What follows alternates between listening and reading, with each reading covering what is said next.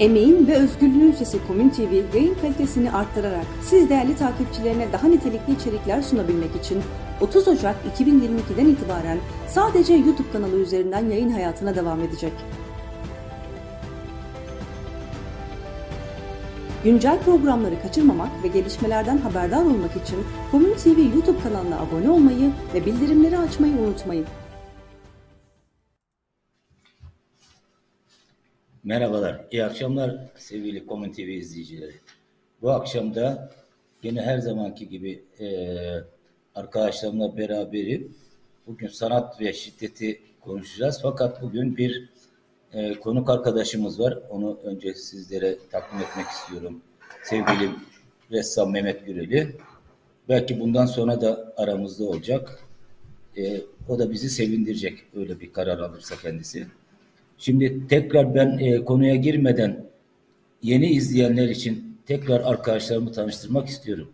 Sevgili e, Yalçın Karayağız, Emre Zeytinoğlu, Feyyaz Yaman ve ben Taner Güven ve Mehmet Güreli bugün sanat ve şiddeti konuşacağız. Ve karşınızda karşı olarak bulunuyoruz şu anda. Şimdi şiddet ve sanat derken önce şiddet olgusu ve e, sanat tarihindeki işte şiddetin estetize edilişi ve hatta şiddet gören sanatçılar bunlar hepsine değineceğiz. Ve ben ilk sözü her zamanki gibi sevgili Emre Zeytinoğlu'na vermek istiyorum. Evet Emreciğim. Evet öyle bir laf vardır ya hoca bana taktı. Hep beni kaldırıyor ilk önce diye. Şimdi ben tekrar En çok çalışan sensin. Sen. Şimdi ben konuşmamı şiddet ve sanatla birlikte estetik kavramıyla da birleştirip bir şeyler söylemeye çalışacağım. Yani estetik dil ve şiddet. Sonra da e, işte madem ki konumuz hep sanat oluyor, oraya da geliriz. E, bir süre konuşacağım. E, tahammülünüzün kalmadığı noktada bana bir işaret yapın. E, ikinci bölüme bırakabilirim devamını. Mesela Theodor Adorno'dan bahsetmek istiyorum. Bana en çarpıcı gelen bu konuda e, saptamalardan bir tanesi o. E, diyordu ki bir savaşta tek tek kişilerin yani savaşta bulunan her bir kişinin bedenlerine aldıkları darbeler ve o darbelerin ona verdiği acı başkaları tarafından ayrı ayrı hissedilmediği sürece bir tarih yazılamaz. Şimdi çok haklı bulduğum bir sav bu. Yani masallardan filan bize ayıran bir sav. Dolayısıyla elbette tarih yazmak demek masal anlatmak filan değildir. Ahlak da bu masallardan doğmaz. Tarih asla kurmaca bir metin değil. Yani kurmacaya başvurursanız işte dizi filmlere kadar gider, bir takım efsanelere kadar gider bir yere satabilirsiniz. O insanların gerçek gerçek olarak bedenlerine aldığı acılar, darbeler üzerinden yazılması gereken bir şey. Adorno'nun dediği gibi. Ve Adorno şöyle bir şey de söylüyor. Tarih dediğiniz şey kan ve zulüm sürecidir sürekli olarak. Ve o hissedilmelidir. Ve Adorno'ya göre estetik dil bu yüzden önemlidir. Bu yüzden gereklidir. Adorno'nun söyledikleri ahlaki olduğu ölçüde de ya da sanatsal olabileceği ölçüde de çünkü estetik dilden bahsediyor. Mesela hukuki bir konuya da e, işaret ediyor. Bugün de zaten bugünlerde de zaten sürekli e, gündemde tuttuğumuz şey o mecburen yani içinde bulunduğumuz durum yüzünden. Bu hukuki konu şöyle bir şey. Dil ve hukuk biz eğer gündelik iletişim dili ile tarih hakkında bir takım ahkamlar kesmeye başlarsak, bu sanatın da ötesinde çok daha büyük problemlere yol açabilir. Mesela gündelik iletişim dilinin kullanımı önce hukuk ama daha derinde de adalet kavramıyla ilişki kurmaya başlıyor. Bu iki kavram yani hukuk ve adalet yörüngeden çıkıp dille birlikte, bu iletişim dili ile birlikte bir bozulmaya da yol açabiliyor. Söz konusu bozulmanın en çarpıcı örneklerinden bir tanesi bana göre 26 Şubat 1973 tarihinde Hamburg cezaevinin kapısında yapılan bir konuşma, bir röportaj. Bader-Meinhof grubundan bazı kişilerin tutukluluk hallerini ele alan bir program yapılıyor. Panorama diye bir televizyon kanalı. O cezaevinin kapısında avukat Heinrich Hannover ile konuşuyor. Şimdi orada Hannover'in son derece ilginç bir takım sözleri var. Diyor ki, yani özetle söylüyorum, bu tutukluluğun yasalara uygun olduğunu söylüyor. Ancak müvekkillerinin kişiliklerine yönelik bir sindirme işlevini de bu tutukluluk yanında taşıyor diyor. Bu sindirme anayasaya aykırı diyor. Ve düpedüz bir işkencedir bu. Şimdi bir yandan da o avukat tutukluluğun burjuva toplumlarındaki iktidar biçimlerini meşrulaştırmakta yararlı olduğunu söylüyor. Araç oldu. Araç olduğunu söylüyor. Şimdi bu böyle söyleyince Bremen barosuyla hani amiyane tabiriyle tırnak içinde papaz oluyor bu şey avukat. Ee, ve baro diyor ki bu e, avukatın söylediği şeyler amacını aşmıştır. Yani onur kuruluna göre tutukluluk koşulları objektif bir bakış açısına göre yasal, normal. Kitapta böyle yazıyor ve koşullarda yasal.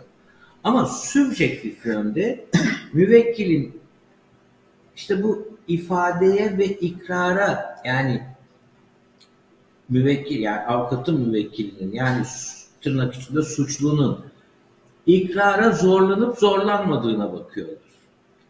Yani ikrar bir itiraf. İtiraf için bir zorlama var mı? Yok.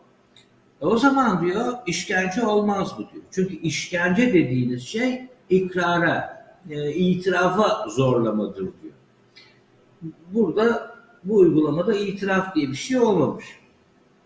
Şimdi Rimsman, Jean-Philippe Rimsman'ın bir şeyi var, kitabı, e, Vahşeti Kavramak. Diyor ki, bu tanıma göre ikrara zorlama, yani itirafa zorlama, yalnızca istisnai bir durum olduğu için Alman toplama kamplarında hiç işkence yapılmamıştır. Ansiklopedik tanım bu tür e, devam ediyor yani bu tür bir sonuç çıkarmaya elverişlidir. İşkence ifadeye zorlama amacıyla bedensel acı vermek demektir. Ama bakın ille ifadeye zorlama olacak. Eğer yoksa böyle bir şey işkence işkence yok. Onur kurulu yine Wilson'un söylediğine göre bu ansiklopedi tanımının temelinde yatan işkence anlayışını üstlenmekle kalmamış, üstelik bu anlayışı kamuoyuna yapılan açıklamalar için geçerli bir norm olarak belirlemiştir. Şimdi iletişim dili dediğimiz şeyde eğer e, bir takım tabirler kullanırsanız e, dolayısıyla bu tabirleri de e, inandırıcı kılarsanız işinizi hallediyorsunuz. Her şey çok açık. Onur kurulunun kararı eğer işkence tanımlanacaksa bunun semantik bir dili ile değil, genel bir diliyle, iletişim diliyle tanımlanması gerektiği. O zaman bunu istediğiniz yere çekebiliyorsunuz. Ve bu genel iletişim dili denilen şey de bir iktidar dilinden farklı bir şey değil. Şimdi Adorno'nun dediği gibi tekrar oraya gelirsek bu iktidar diliyle yazılan bir tarih bozulmuş kavramları içinde taşıyan bir metinden başka bir şey olamaz. Bunu dediğim işte hep aynı şeyi söylüyorum. İstediğiniz yere çekersiniz. Şimdi burada estetik dilin devreye girmesi gerekir diyor Theodor Adorno. Buraya kadar konuştuğum şey estetik dili gerektiriyormuş gibi. Yani Adorno haklı gibi. Şimdi işi biraz daha sanat tarafına getirmeye başlarsak, sanat ve estetik ilişkisini, durumun farklı bir yönü ortaya çıkıyor. Şimdi Adorno bedene alınan darbelerin asıl veri olduğunu söylüyor ya acının onu hissedilmesini. Madem ki gündelik iletişim dili bize bedenin maruz kaldığı darbeleri ve duyduğu acıları anlatamıyor. O halde onları başkalarına anlatabilmenin, başkalarının da anlayabilmesinin bir yolu işte bu estetik değil. Fakat burada bir sorun çıkıyor şimdi sanata doğru yaklaştığımızda. Bir sanat yapıtı ve onun estetik dili ne kadar bu acıları anlatmakta ileri gidebilir sizce? Daha farklı düşünürsek mesela şöyle bir şey sorulabilir. Bedenin duyduğu darbeler ve belki onun ölüme doğru yürüyüşü bir sanat yapıtından ne kadar açıklıkla ifade edilmelidir? Ve bu sanat yapıtı buna ne kadar izin verebilir? Eğer olanak varsa estetik sanat yapıtı bu kendine aldığı darbeleri yani bedenin aldığı darbeleri bu deneyimi sonuna kadar ve tam bir gerçek halinde yansıtabilir mi? Tam da o zaman ve o yerde o beden hangi acıyı, hangi darbeyi üzerine almışsa bunu başkalarına aktarmak için ne kadar ileri gidebilirsiniz yani sanatçı olarak? Ve biz o mesela bir makine olsa bizi o tam o yere ve o zamana götürse biz bunu hissetsek. Şimdi bu olabilir. Yani teknoloji ve çağdaş sanat filan tartışmalarında bu çok gündeme gelmiştir. Tam teknoloji aracılığıyla, bilim aracılığı yani bilimsel buluşlar aracılığıyla o tinselliği gerçekleştirebilecek bir takım şeyler, algoritmalar hani ortaya çıkartılabilir. Ama başka bir şey de var. Ahlaki olarak estetik değil, o deneyimleri aktarırken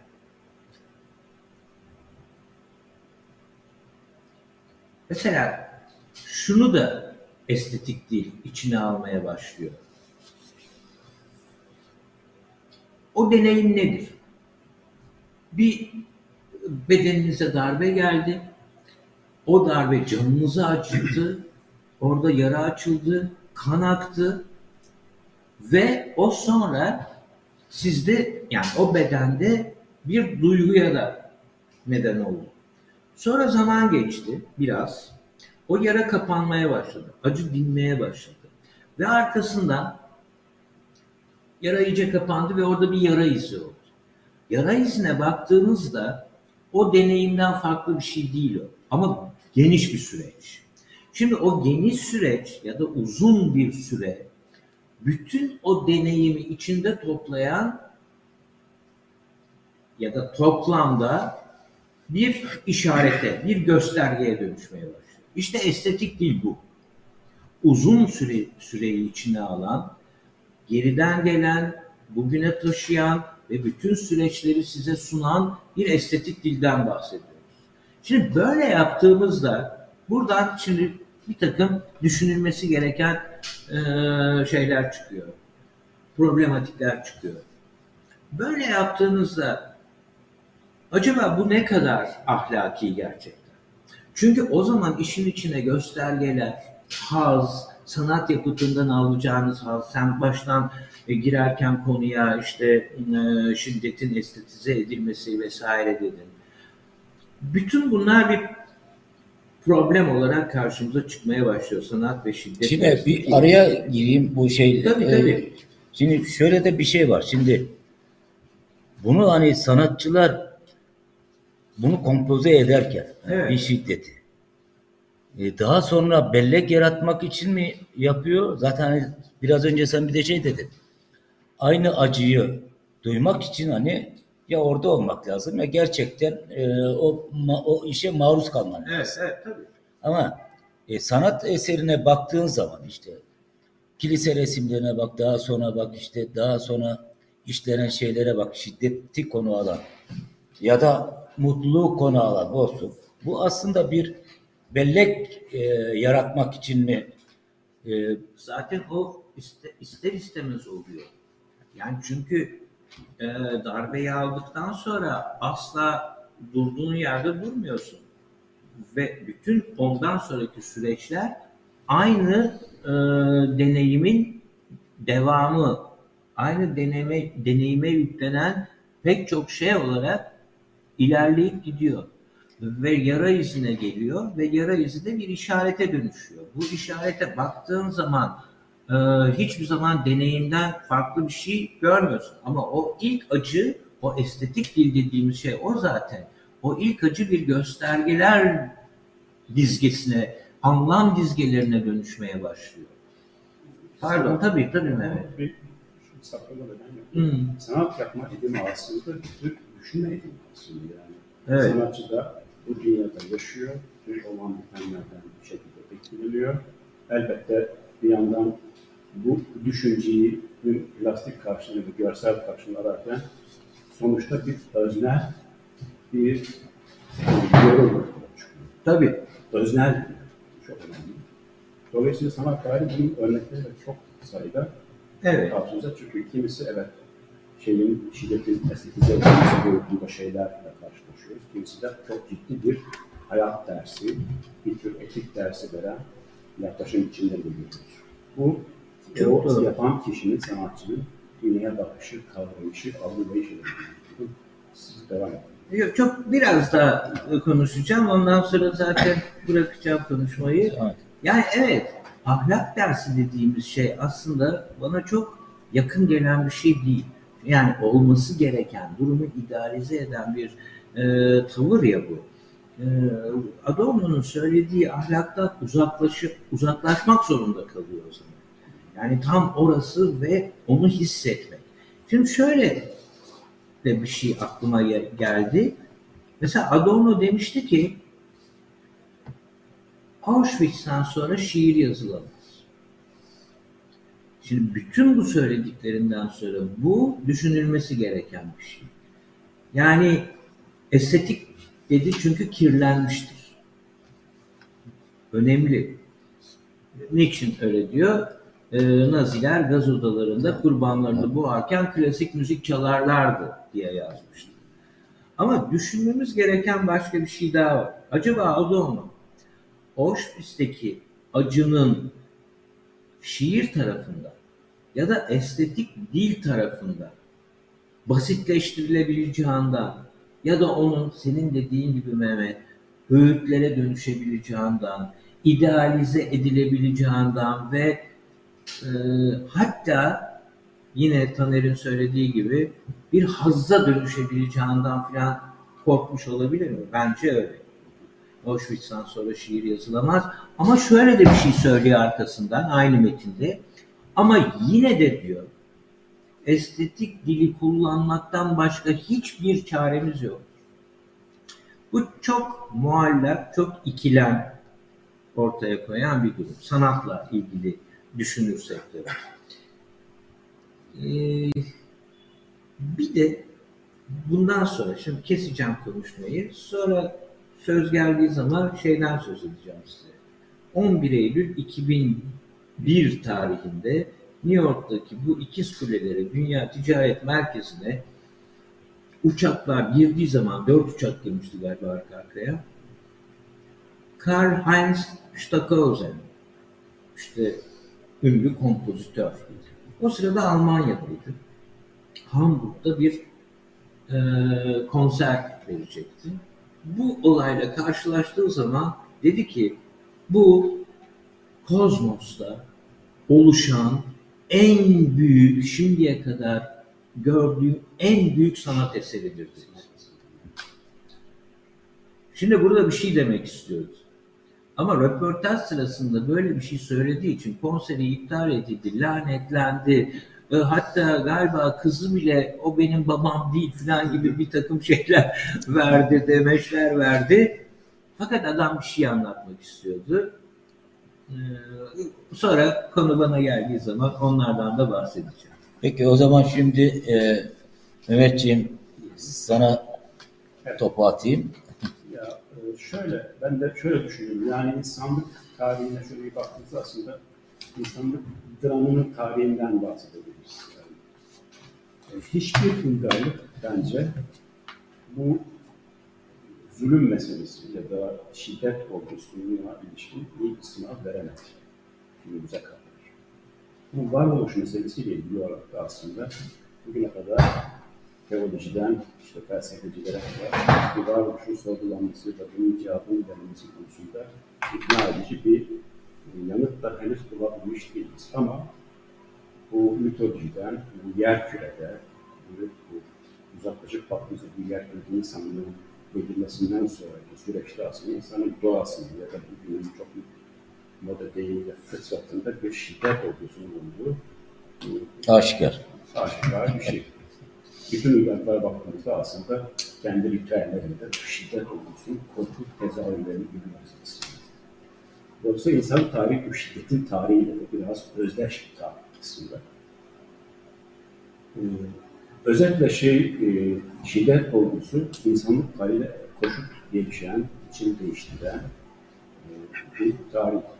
Senin demin örnek verdiğin e, şiddetin etikize edilmesi, görselleştirilmesi aslında mitolojiden Hristiyanlık ikonografisine kadar birçok çok doruk örnekleri var. Acının var ya bedene yapılan şeyin aslında çok iyi görsel karşılıkları var. Birazdan onları belki birlikte konuşuruz Yalçın'la. Yani şunu söylemek istemedim ben. Tamamen estetize edildiği zaman bu çok yanlış bir şeydir. İşte bu adamın kafasına görsün bakalım acı neymiş. Şimdi yanlış anlaşılmak istemem ama, ama e, yani bu estetik konuda e, deneyimle ilgili bir problem var. Onu söyle, açmaya çalıştım. Yani. Evet, evet. Ya aslında şey, bu e, aşkın şey, e, vicdan yoksunluğu, aklın uykusu vesaire gibi bunları geri plana ettirilmesi meselesinin meselesi şiddeti besleyen, geliştiren bir olgu olarak hep tarihte var olmuş. Kaynakları şekil değiştirmiş. Bu cinsel şiddetten ondan sonra toplumsal şiddete, e, şiddetin inanılmaz şekillerini dünya tarihi defalarca tanık oldu. Ama çok uzun yıllar dinsel inanışların cezalandırma yöntemi olan şiddetin esiri olarak sanat yapıtları yürüye gelmiş. Daha sonra bireysel, daha kişisel, daha insani daha, daha da Bunlar birbirinden anarki herhalde bir yani. toplumdan bir topluma geçiş, bu yerleşme süreçleri falan gibi süreçlerde biraz tabii şekil değiştiriyor ama bu aslında doğanın verdiği şeyleri paylaşım meselesiyle ilgili oluşan bir şiddet de var aslında. tabii iktidar ortaya çıkıyor. Sonra bu büyük dinlerin ortaya çıkışı meselesinde aslında dinler meselesi de bilindiği üzere bir boğazlaşma tarihi. Evet. Sonra arkasından ulus devletleşme süreçlerinde yine bu milliyet üzerinden bir boğazlaşma tarihine tanık oluyoruz. Sonra günümüz bizim de belki yakın tarihte tanık olduğumuz bu ideolojik ideolojilerle de büyük önermeler çağı da aslında e, şiddetin, şiddeti besleyen, şiddetin Farklı argümanlarla da farklı olsa. argümanlarla ortaya çıkışının tanıkları olduk aslında. Biz kendi hayatımızda, kendi siyasal e, angaja olduğumuz süreçte de bizler, bizler de bu e, şeyden, süreçlerden etkilenmiş bir birey olarak bugün hala e, bugün dünyasının gündemi ağır koşulları bizi de e, muazzam input bombardımanı altında bizi de etkiliyor. Eğer bir sanat yapan ya da üreten, bu konuda düşünen birisi olarak da ister istemez senin de diğerlerin, herkesin yaptıklarını bir şekilde yansıyor, sirayet ediyor. Kimisi biraz daha duyarlı konuda, daha çok bu konuya odaklı işler üretiyor. Kimisi biraz daha sanat denen şeyde, şimdi yollar çok çeşitli sanat, herkes bildiği üzere. Kimisi biraz daha estetize yollara sapıyor, daha dekoratif şeylere sapıyor. Kimisi de daha çok odağına insanı koyuyor, insanın dramını koyuyor. İnsanın dramının tarihidir aslında, figüratif resmin tarihi bir anlamda. O figüratif ya da resmin tarihindeki bu dramın görselleştirilmesi ya da şiddetin görselleştirilmesi sözünü isterseniz bir sonraki şeyde konuşabiliriz. Ama mesela şunu sorayım o zaman. Ya Yalçın da bir şeyler söyledi. O- onu da söyleyeyim.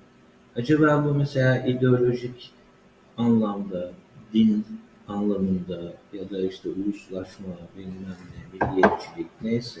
Burada ortaya çıkan şiddet acaba öznenin kendi içinde taşıdığı yani doğuştan getirdiği ya da işte doğasından getirdiği eee, bir iktidar Ego. ihtirası ve buna bağlı bir şiddet eğilimi mi? Yani bu sizin söylediğiniz Tam şeyler orada. bahane mi aslında? Onu sormaya çalışıyorum. Tam da orada aslında Adorno'nun Evet. söylediği cümleye ciddi bir bağ kurabilirsin. Çünkü kilise... Sen kuruştun. Yani kurabilirsin, kurabiliriz. Çünkü kilise bazı yasaklar ortaya koyuyor. Kutsal metinlerde anlatılan, tarif edilen ve de günah sayılan ve de insanın o tanrısal, ilahi olana bağlılığını, sadakatini gösterecek şeylerden dışında onlardan azade bir şeyler yaptığı zaman kötülüğe saplanıp şeytanın nasıl işte bilmem nesine kapılabileceği zannıyla değil mi? Engizisyon mahkemelerinin kurulması, büyük bir yargılamalar olması, işte insanların cadı diye yakılması, özellikle kadınların. Bugün de hala kadınlar cadı diye yakılıyor. Başka mana. Katlediliyorlar, öldürülüyor. Yok. Bu hani 2000 yıldır süre gelen bir şey. Kadınlara yönelik. Sadece kadınlara yönelik şiddet de değil ama spesifik olarak, özel olarak oradan bakınca cadılık suçlaması hiçbir erkeğe yok. Kadınlara yönelik. Kilisenin sanatçılardan istediği şey ilahi olan, ilahi gücün yasaklamış olduğu şeyleri yapma. Mesela mes- şimdi bir örnek vereyim. Bizde de karşılığı var. Bizde de tasavvufta bir karşılığı var. Ribera'nın, İspanyol ressam, o büyük usta Ribera'nın yaptığı Aziz Bartolomeo'ya yapılan işkenceler. Çünkü Bartolomeo'ya Engizisyon öyle işkenceler yapar ki ve o işkenceler esnasında onun karnı yarılır, bağırsakları dışarı çıkarılır ve hilir diri diri yapılır. Şimdi bunu kilise sipariş ediyor. Ama şöyle ki yani o karnın yarılması, bağırsakların çıkarılması bilmem ne Mansur'un derisinin diri diri yüzülmesinin resmini yapmak gibi bir şey. Rübera'nın yaptığı. Marsyas var. Marsyas zaten antiktedeki karşılığı. Değil mi? Yani sanat tarihi ve mitoloji iç içe ama burada bir şey var. Bir, bir otokrasi ya da dinsel monark kimse işte o o birilerini insanları kendi tahakkümü ve bilimi altında bu tür doktrinlerle zapt edebileceğini düşünerek bunları yapıyor. Sanatçılar burada uygula- uygulayıcılar. Dolayısıyla eserin birebir o acıyı yansıtması mümkün değil. Ama trajik olan şu. Sanatçı her ne kadar o acıyı yani Aziz Bartolomeo'nun yaşamış olduğu işkenceyi, o acıyı, ızdırabı, yok oluşu yansıtmaya çalışsa da soru şu. Adorno'ya göre. O acıyı yaşıyor mu, hissediyor mu? Sanatçı hissediyor bence benim kanaatim. Çünkü aksi takdirde o resmi yapmaz. Ha, ama kilise Ismarlamışlar ya. Bak ama kilise tam da orada söylüyorum. Ama kilise diyor ki şöyle kriterlerde olacak. Aziz Bartolomeo'ya aziz olma vasfından arındırılmayacak. Tabii tabii bir var. ilahi nurlu bir yüzü olacak. Onun bedeninin paramparça edildiği anı göstermeyeceksin. Şimdi burada asıl şiddetin ma- maruz kalanı sanatçının bizatihi kendisi. Yapıtın kendisi değil. Yapıtta onu göremiyorsun. Evet. Şimdi Sen devam edebilirsin Evet, devam etsin diye. Evet, yani bir şey- Dinler tarihi aslında kilisenin temayı belirlemesiyle bilinen bir Hristiyanlık sanatı diye bir şeyden bahset- bahsetmek mümkün. Acaba Kapadokya'da ya da ilk Hristiyanın ortaya çıktığı yerlerde ilk ressam İsa'yı tasvir ederken acaba İsa'yı gördün mü? Bu da bir soru işareti aslında. Soru işareti değil, öyle bir şey yok zaten. Öyle bir şey yok ama bir tip çiziliyor. Bu tip kuşaktan kuşağa aktarılarak bu özellikle Avrupa'da o tip o tabii 16-17. yüzyılda sarışın ve mavi gözlü hale geliyor. Hayır coğrafyada değişiyor. İspanya'da, İtalya'da esmer oluyor. İsa Kuzey Flaman resminde ya da Tabii sarışın mavi gözlü. Coğrafyaya göre değişiyor. Amerika'da zenci oluyor. Zenci oluyor, evet. Zenci oluyor. Kimi coğrafyada bu zenci oluyor. Sonuçta aslında bu insanın e, dinsel temaların, kilisenin aslında bir tür ajitasyon, propaganda amaçlı resmi sanatı kullanması, heykeli, görüntüyü kullanması, içeriği ve biçimi belirlemesi. Bunun çok dışına çıkılmıyor biliyorsun. Formülleri vermiş. Formülleri vermesi, onun çok da dışına çıkıyor biliyorsun. Fena halde. Temanın dışına çıkan, Evet. Yasin Hoca'nın belirttiği gibi aslında fena O kadar çok örnek var ki. En önemlilerinden birisi El Greco. Yani El Greco Engizisyon Mahkemesi'nin karşısına çıkıldığı ciddi yargıladı. Evet, evet.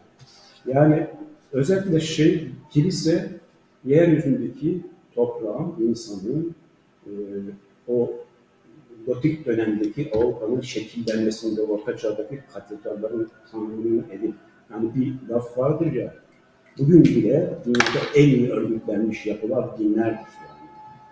Bugün Ve onun şiddeti meşrulaşıyor tabii. evet, evet. Şiddet olmaktan Çünkü da çıkıyor. Hayır ama o şiddet olurken aslında karşı bir şiddet ve nefreti de e, şey yaptırıyor.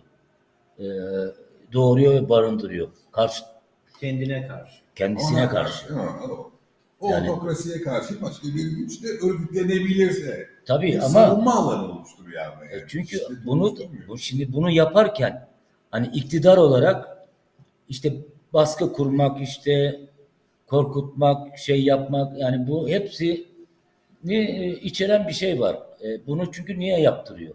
Yani zevk için yaptırmıyor. Ya zevk için mi? Onunla ilgili Şimdi değil. bir şey Başlangıçtan mi? bugüne gelecek Gerçi Feyyaz gene uyumaya başladı ama yani ayıp etmeyelim Feyyaz'a. Ama ıı, Tamam, belki Feyyaz'la birlikte şey olacak. Konu başka yerlere gidebilir ama ben şu konu üzerine çok kısaca bir şey söyleyeceğim. Me- me- Mesela siz Orta Çağ'dan bahsettiniz, kiliseden bahsettiniz, yani skolastik ortamdan bahsettiniz vesaire. Fakat bu sanatın estetik ya da sanatın şiddeti gizleme meselesi ya da meşrulaştırma meselesi çok daha eski, Eski, örnekler eski. Mesela benim aklıma şimdi şuraya not ettim. Estetik dilin hani amansız savunucularından şöyle bir e, bahsedersek, düşünürsek şimdi bu estetik meselesi şey e, ne derler e, şiddeti seyirlik bir nesneye de dönüştürebiliyor ve çok büyük bir ihtimalle. Şimdi e, mesela Aristoteles'e kadar gider bu iş. Platon'a git ya Mimesis'e kadar Mimesis'le alakası var. Çok net cümleler söyleyeceğim Aristoteles'in. Söyledikleri, bence Aristoteles'in söyledikleri bunlar içinde en ilginç olanı. Şimdi diyor ki, aslında cesetlere bakıp da bunlardan haz duymak ahlaksızca bir şeydir. Ancak size tam şeyini okuyorum ama uzun olur. Onun için vazgeçiyorum. Özetleyeceğim. Ancak bu resmine cesetlerin evet resimlerine bakarsanız bakarsan bu ahlaksızca bir şey değil. Çünkü cesetlerle e, şey arasında bir resim girer. Şey. O başka bir şeydir işte. Şimdi burada şiddeti engel şey yapan, perdeleyen bir şey var İşte demek. estetik. Estetik. Evet. Bu estetiğin tabii e, kuram olarak tanımları değişir.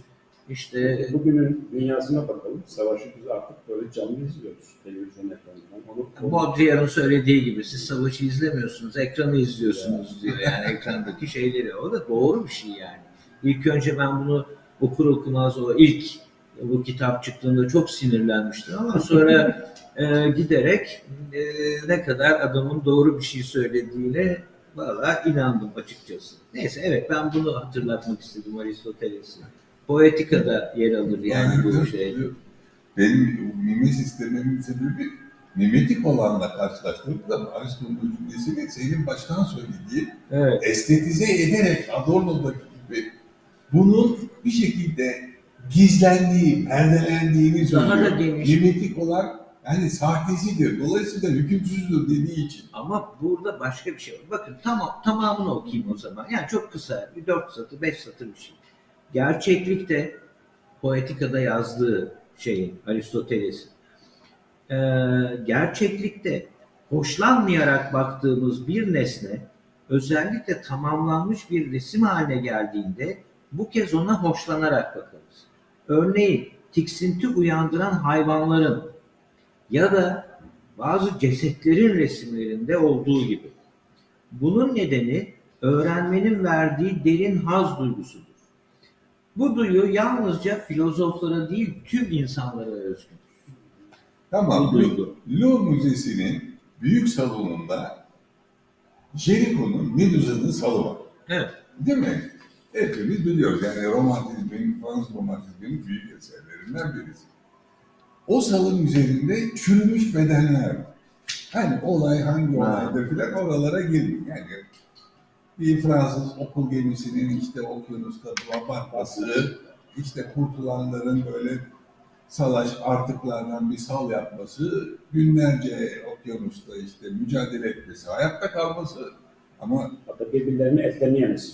Tamam onu söyleyecektim tam da. Hayatta kalmak için cesetleri yiyen insanlar, ölen arkadaşlarını yiyen insanlar ve Jericho bütün bu olayı binlerce çalışmış.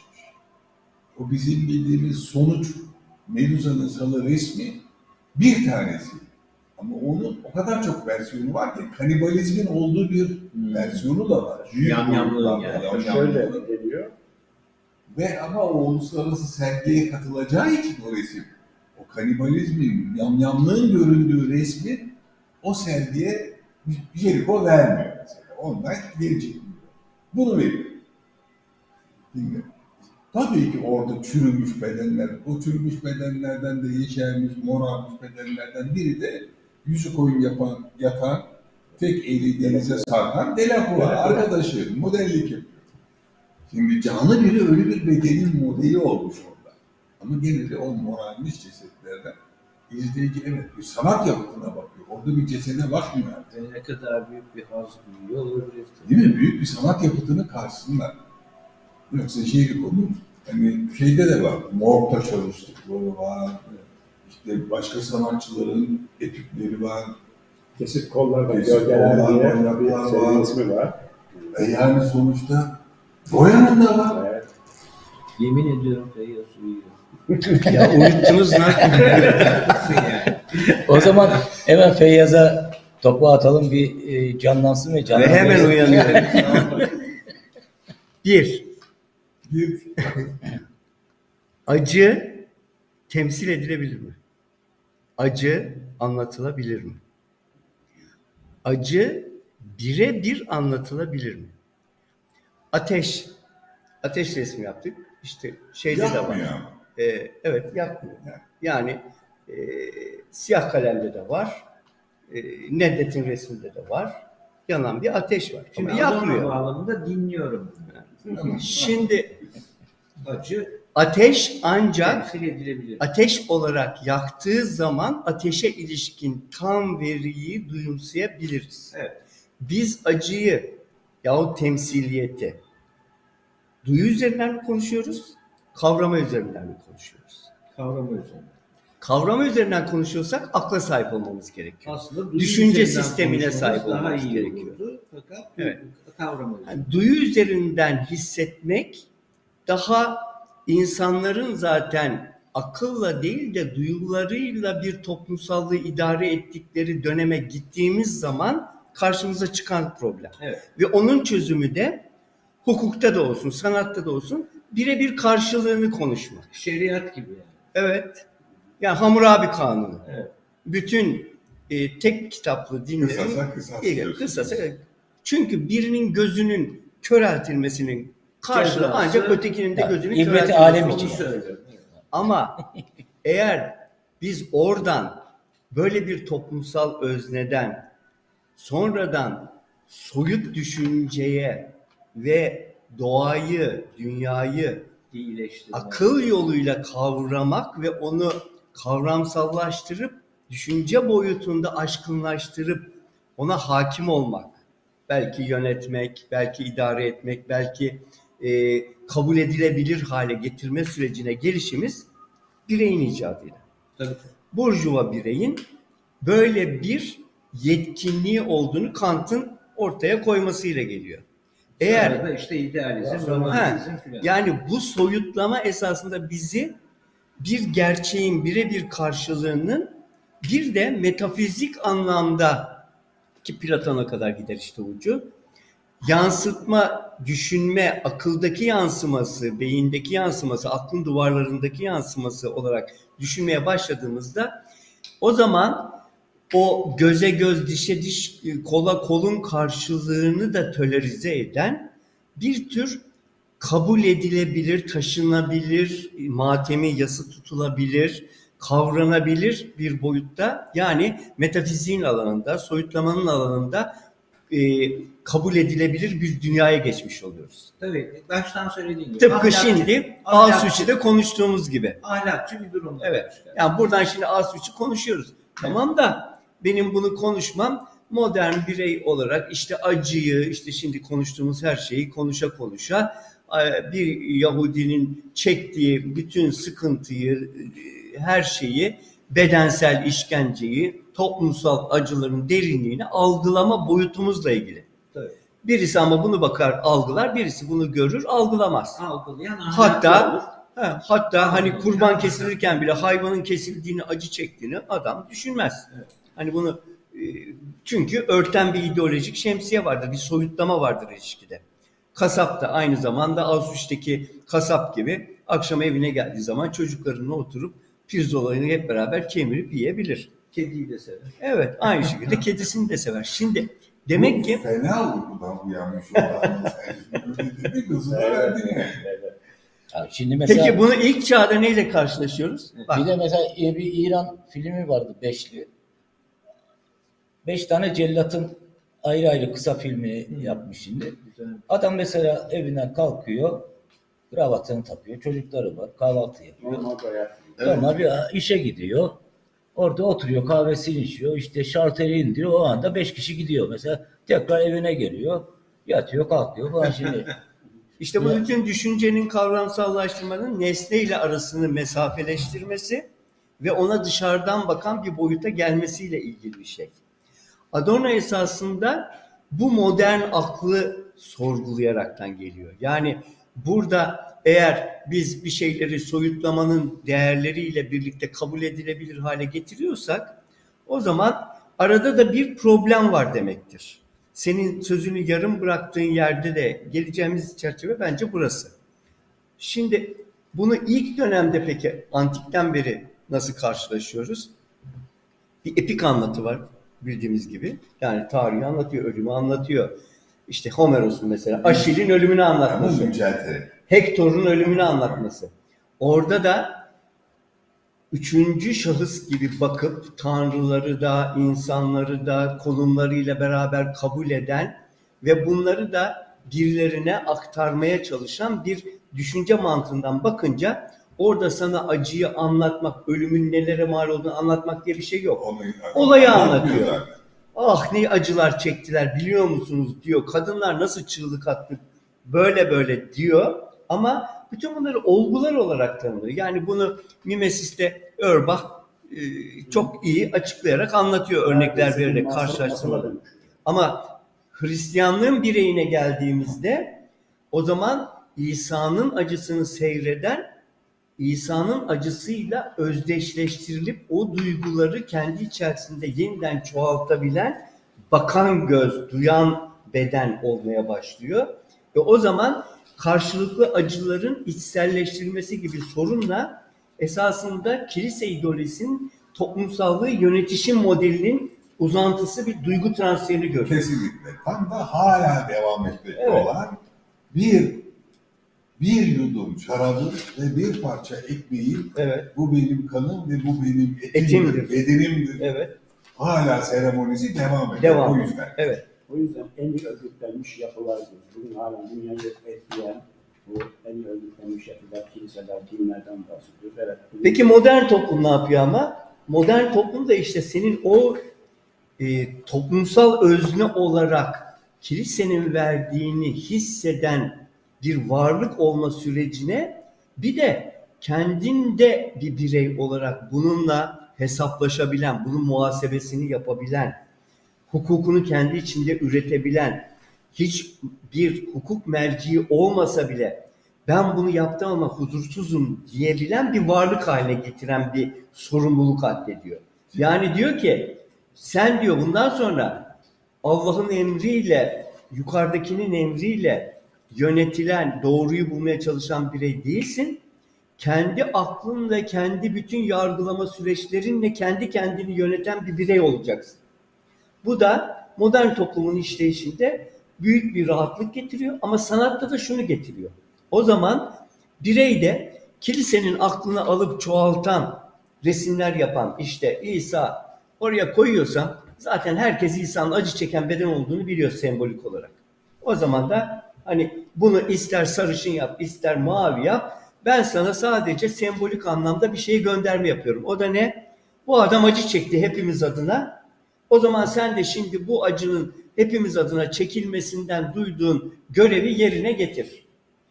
Ama modern bireyde böyle bir indirgemecilik yok. Modern birey tamamen sana kötüyü de, iyiyi de, iyiliği de, kötülüğü de, kendi cennetini, cehennemini de kendi içinde taşıyan bir birey olmakla yükümlü kılıyor. O zaman da sen toplum kurallarına uymak, hukukun kurallarına uymak, toplum düzeni diye bize dayatılan şeylere uymak, kırmızı ışıkta geçmemek falana kadar indirgeyebileceğimiz aile içi davranışlar, çocuk e, pedagojisi, kadının taşıdığı bütün şeylerin hepsini içine alan bir formatlama getiriyor ve bunu da sana gönüllü, rızalı, senin içinde üretilmiş bir değer olarak yapıyor. Yani işte Foucault'un da hani getirdiği temsiliyet ilişkileri ve kamusallığın içimizde inşa edilmesi bu anlamıyla sorumluluk olarak buna bağlı. Şimdi burada sanatın düştüğü ikircikli bir durum var.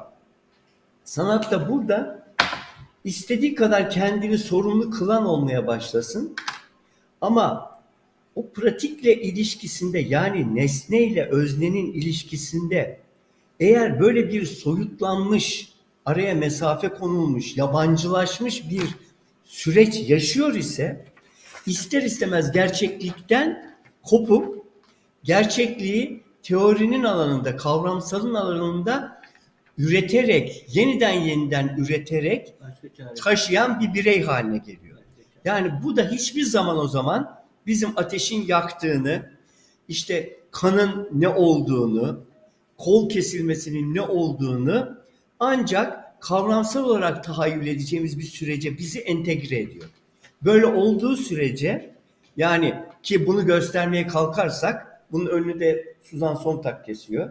Bu diyor acının pornografisidir diyor. Pornografisi diyor. Ha, Yani Ama bir bunun örnek- pedagojik şiddeti de vardır diyor falan da filan da diyor. Bir, bir tane örnek Ama daha vereceğim. ha, onu Mesela. bağlayarak bitireyim. Şu açıkta kalıyor.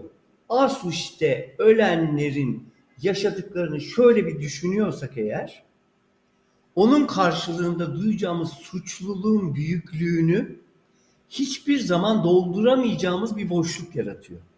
Yani birisi gözümüzün önünde öldürülüyorsa bunu ben ister sanatçı olarak işte Jericho'nun yaptığı gibi kesik kafa koy, olarak koyuyorum.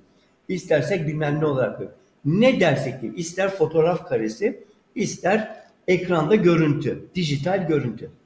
Demin Emre'nin dediği gibi ne yapmış oluyoruz? Esasında biz onu seyretmiyoruz.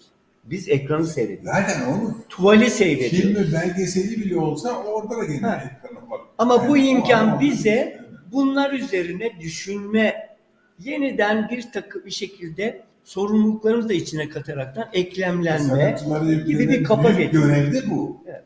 Ama işte o görevde bence- e, eksik ve hiçbir zaman kapanmayacak, tanımlanmayacak bir şey. Şimdi burada tabii ki iktidar güçlerinin bazı ağır sansür ve de yasakçı akılları bazı sanatları ve bazı sanat yapıtlarını da ciddi bir ortadan yok etme, imha hareketlerine de dönüşüyor.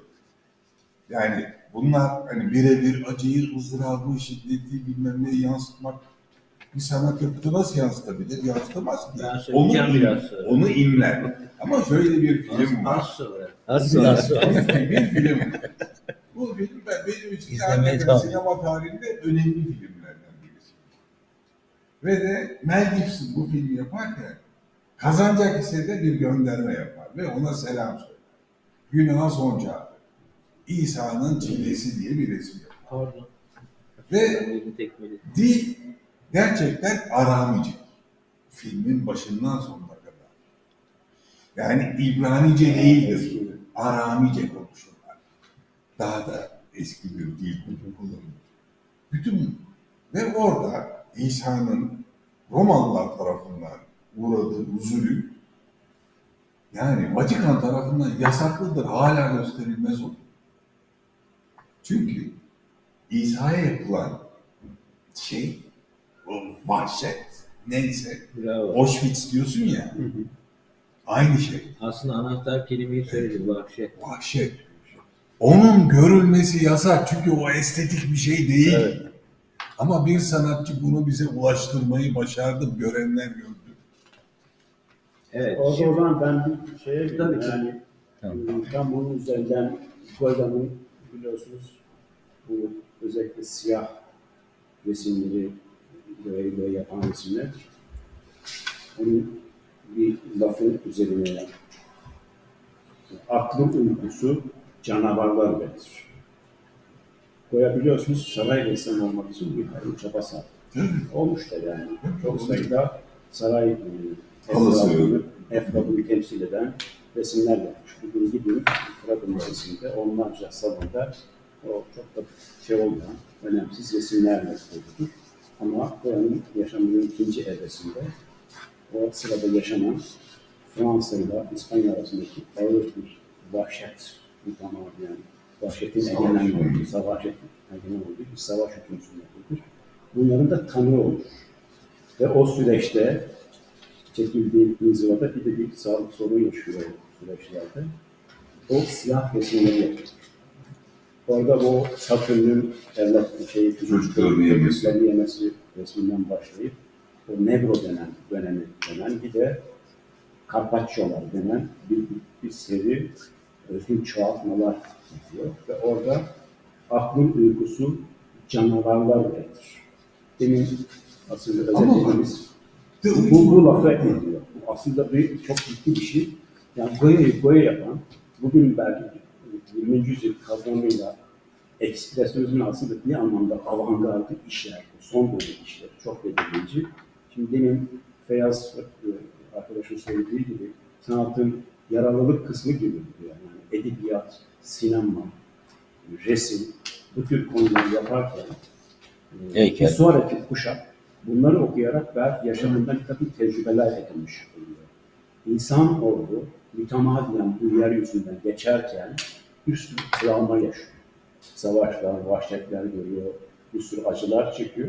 Ama o resimleri izleyerek, o kitapları okuyarak, o filmleri izleyerek bu yaşadığı travmaları belki daha az atlatmayı ya da bunları engellemeyi bir iyileşme mi bir sağlıyor? iyileşme yani? sağlıyor. Sanatın yararlı, faydalı kısmı aslında biraz da burada. Elbette bunu yapan kişi e, bunu yaparken bir sorumluluk duygusuyla belki kendini şey yapma, kabul ettirme duygusu var. Aklın altta egosu çalışıyor ama bir dünya görüşü var ya da böyle bir herhangi bir tema yerine bunu tercih ediyorsun. Böyle bir dramatik konuyu yap, sanat yapıtının odağına koyması da bir tercih meselesi Evet. Ondan sonra o anlamda Goya'nın bu e, son dönem yapıtları çok belirleyicidir yani. Goya yoksa o saray ressamları olarak ressam olarak yaptığı işlerle başka bir şey. Bir şey söyleyebilir miyim belki de. Ben de onun, Senin- onun boyasını bir tamamlayıp orada bir, bir şey söylerim. Goya'ya bağlıysa tamam. Yok be ya, kısa. Yere geldik gene. Şimdi- yani. Ee, Bir dakika Aynen. bir şeyi tamamlasın. Ay, şaka yapıyorum ya. 1789 Fransız ihtilalinden sonra Fransız Fransa'nın tekrardan o cumhuriyetçi davranışlar, cumhuriyetçi cumhuriyet fikrinden vazgeçip imparatorluğa sevdalanması, Bonaparte'ın gelmesiyle birlikte hemen arkasından İspanya işgali başlar. Goya'nın içinde yaşadığı yıllar işgal yıllarıydı. Yani imparatorluğun İspanya'yı işgalidir. Ve Satürn'ün çocukları diyemesi aslında İspanya evlatlarını yiyor. 1100 sadece İspanya değil, 1189 doğduğu cumhuriyet kendi çocuklarını yemiş. Evet, devrim Ve odur. Devrim kendi çocuklarını Tabii yemiş. Paris Komünü. Evet. Arkasından 70 yıl Sovyetler Birliği ya da. Real Sosyalizmin Yani buraya sadece İspanya'ya bir eleştiri, İspanya'ya bir şey yapmaz. Fransa'ya çok ağır eleştirisidir orası. E niye? Çünkü aydınlanmayı savunuyor adam. İnanmış tabii. ama golü de aydınlanmadan yiyor. Evet, Fransa Evet. işgaliyle. evet. Öyle Herkesin olunca da işte aklın uykusu dediği Aynen öyle. aydınlanmanın uykusu. Ama bunu bir sanatçı dile getiriyor. Evet. Bugün de hala aklı uykusu dünyada hüküm sürüyor yani. Ama Çok orada bak şöyle bir sorun var. Belki Emre'ye bağlamak için iyi anlatıyorum. Biz Goya'nın karanlık dönem işlerine bakınca da acıyı düşünüyoruz sadece. Acıyı duymuyoruz. Değil mi? Biz yaşamıyoruz. Yani Evet. yaşamıyoruz. Çünkü Satürn'ün oğlunu yemesini Epik'teki gibi işte anlatıyor. Hani Evet. Medusa'nın kafasını kesmiş Persepolis, Perseus eline almış. Perseus'un o elinde taşıdığı kafa esasında yani bakmanın ve bak görmenin doğrudan görmenin getirdiği şiddetin insanı taş keseceğini Tanrılar tarafından cezalandırılmış. Yani şey de öyle. Lut kavmi de öyle. Tabii. Yani Sodom ve Gomorra'ya bakarsan Geri hakikati gör, taş görürsen taş kesilsin, taşıyamazsın. Çünkü birebir olanı görmek, şimdi biz ekranda dediğin gibi Ukrayna'yı izliyoruz. E ama orada bir yanındaki e, çok sevdiğim birinin e, bedeninin yarısının koptuğunu düşün ve yanında e, titreye titreye öldüğünü düşün. Hani soğuduğunu, üç gün yan yana soğuk yattığını hissetmek düşün. şey. Şimdi bak bunu birebir algılamak insanı taş keser, taşlaştırır. Ama soyutun getirdiği sembolik, metafizin getirdiği sembolik kavranabilirlik de başka bir avantaj ki sanatın aralığı o. Ben de bir filmde örnek vereyim. Ee, Tarkovski'nin şeyi, e, Stalker yok, e, Kurbanı mı? Ivan'ın şey, Ivan'ın Kurban. pardon, Ivan'ın çocukluğu da değil. Hayır, en uzun filmi. Ee, Andrei Rublev. Andrei Rublev'in o e, Rublev falan arkadaşları bir şeyi boyarken çalıştıkları bir yer var ya, daha önce anlatmıştım. Orada tartışırlar. Ölü, yani birbirlerini suçlayarak dini anlamda da, inanç anlamında da, sahte duygular anlamında da yüzleşirler ve o çatışmada birileri boyayı fırlatır, fırçayı atar, Gider. gider. Sonra o deri sağır kız gelir.